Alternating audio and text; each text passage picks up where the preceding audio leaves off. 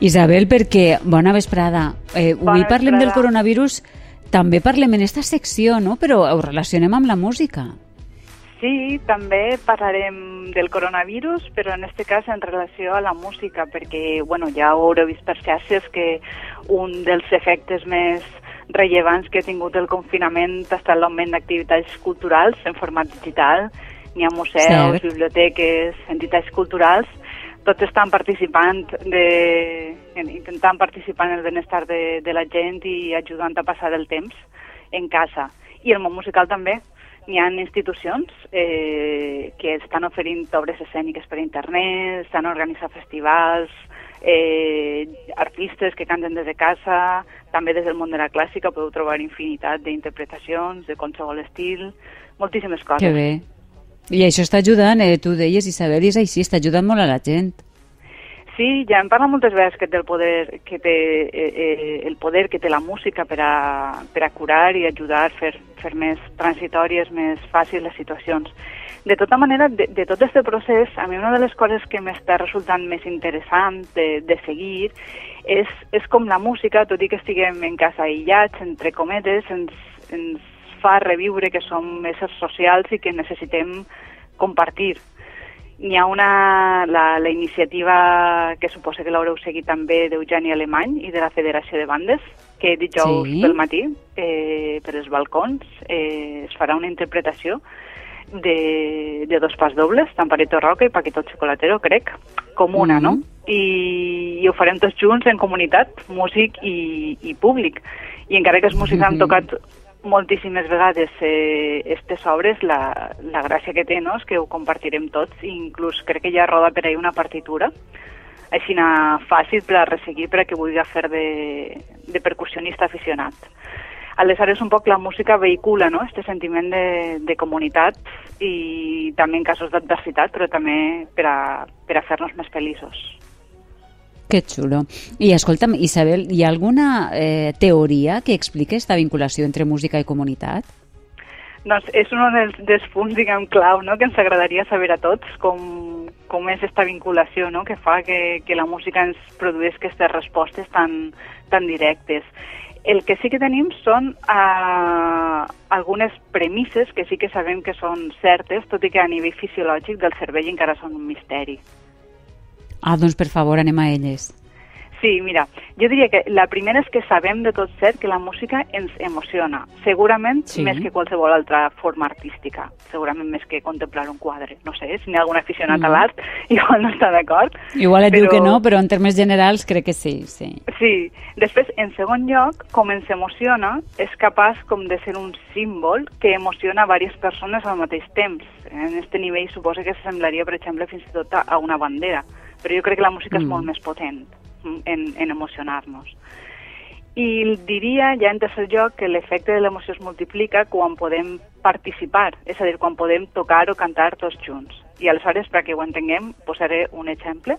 Podem escoltar la música but committed no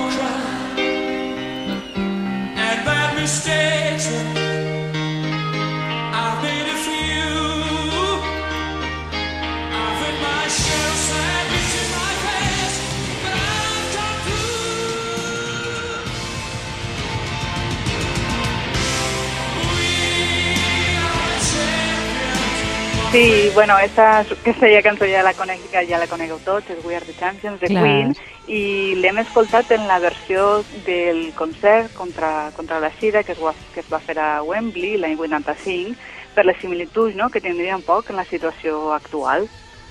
I tant. Eh, S'utilitza esta també en la pel·lícula de Freddie Mercury, no?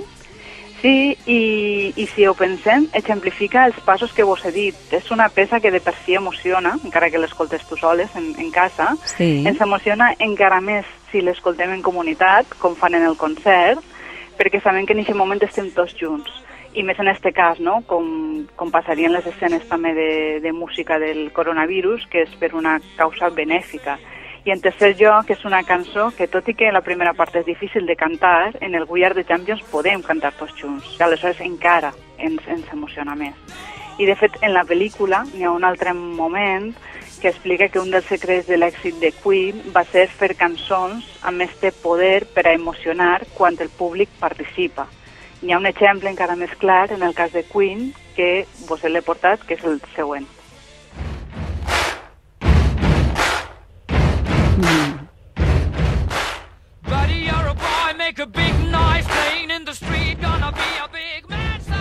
Sí, jo no sé si exactament la cançó es feu... La conegueu ja tots, eh? No? que l'escoltem, Sí, pues la podeu sí, posar sí. després. Jo no sé si la cançó es feu ja pensant en que la gent participara, en la pel·lícula sí que ho mostren així, en, vull dir que dins del procés creatiu ja tenien en compte no? esta, esta participació i funciona molt bé per explicar el que vos deia, no? que la música ens emociona més encara si participem en ella. Waving your banner all over the place. We will, we will rock you. Clar, eh, eh, així és evident, no? Eh, El que dius està molt clar, però aleshores totes les cançons eh, poden provocar este mateix efecte d'emoció en comunitat o han d'estar fetes pensades un poc en aquesta finalitat? En principi, totes les músiques poden, perquè no depèn tant de com és la música en si, sinó que acaba emocionant-nos perquè la relacionem amb la comunitat, amb un esdeveniment que ens agrada o algun qualsevol altre, altre cas. Un exemple molt paradigmàtic seria el Belacheo, que és una cançoneta popular en principi Mm. i Sí. més enllà d'algunes referències a la lletra que ha acabat esdevenint tot un símbol. Uh, estic segura que estos dies hi deu haver algunes cançons que passaran a formar part d'aquestes cançons que tots recordem, no? que ens emocionen, que cantem, o, o que ja ho eren i les reciclarem. Estic pensant, per exemple, en el cas de I Will Survive, de Gloria Gaynor, que és una gran Mm. candidata a acabar cantant-se en, en els balcons estos dies. I tant, a mi personalment m'emociona moltíssim. Eh, de fet, ella ja ha fet un vídeo amb la cançó mentre rentava les mans. Sí, sí, sí, l'ha penjat en, en internet i, i bé, el que passa és que sí que sabem que n'hi ha alguns trucs des del punt de vista de composició, com, com ja ho hem explicat moltes vegades, com qualsevol ofici, que diguem que col·laboren un poc en que n'hi hagi algunes músiques que siguin més sus sus susceptibles d'acabar sent can cançons d'estes mm, participatives. Ah, i eh, voldríem saber algun d'estos truquets, no? O què? Vos n'expliqueu un, que si Vinga, no, va, els un. compositors... Mira, un de prou és començar eh, una cançó lenta, així ja com tot Sí. molt cantadet, eh, i crear un moment de tensió musical amb els acords per a preparar una pujada gran que ens durà a la tornada de la cançó, eh? allò que en castellà és estribillo. És el que hem Sí. contat en el We Are the Champions, hm? que comença més senzill, fa com un tros Mm. de tensió i acaba en el Are I the va Champions. pujant, sí. Mm. Sí, sí. Un altre exemple més, per exemple, seria el tema Hello, de Beyoncé, que comença pianet, cantant suau, després n'hi ha un fragment de tensió, una pujada cap al fort, sí, i resol amb, amb, amb la tornada. Escoltem-ho, un segon. Found a way to let you in, but I never really had a doubt. Standing in the light of your halo, I got my angel now. It's like I've been awakened. Every rule I had you breaking. It's the risk that I'm taking. I ain't never gonna shut you out. Everywhere Sí, hem tingut la pujada cap, a, Mm. cap al fort. I n'hi ha moltíssimes cançons que, si vos fixeu a partir d'ara, eh, sonen, eh, segueixen aquest esquema. Eh, Que bé. Sí, sí, sí. Aleshores, eh, bé, si voleu eixir al, al balcó, sí, eh, totes aquestes No, jo, instruccions... si, vu a si volguera que cantaren tots amb mi i faig una cançó seguint les instruccions que, que m'has donat, funcionarà això o...? No, i per sort, eh, perquè la música s'ha de guardar molts secrets i no és tan automàtic, els musicòlegs ens quedaríem sense feina. Eh, És aleshores, diria que no hem de fixar-nos tant en com és la música en si, sinó com funciona l'activitat, que en quines circumstàncies, què ho provoquen, què és el que sentim, etc. Clar. I tu creus que eh, quan parlem d'aquest tipus de músiques eh, eh, les hauríem de denominar himnes en aquestes ocasions?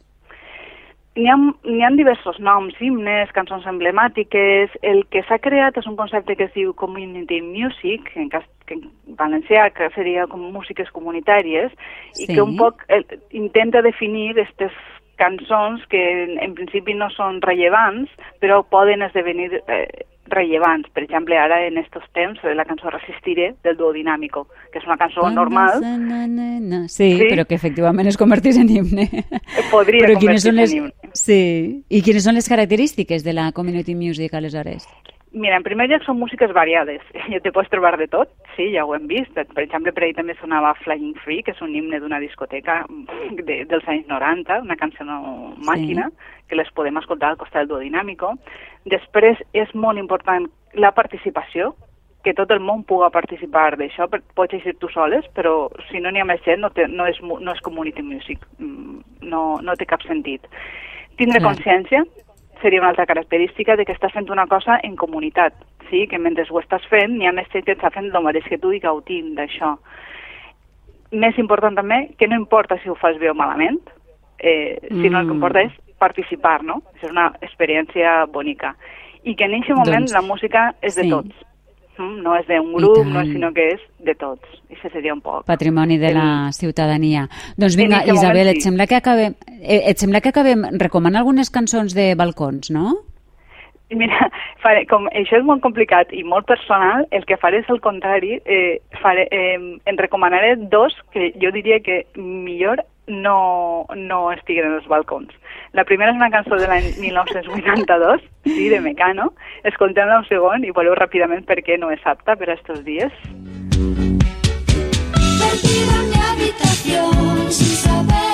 No, no, no, fora, fora, No, fora, fora, fora. fora, esa no, fora, fora. I la segona... Tens crec que és raó, cas i l'altra.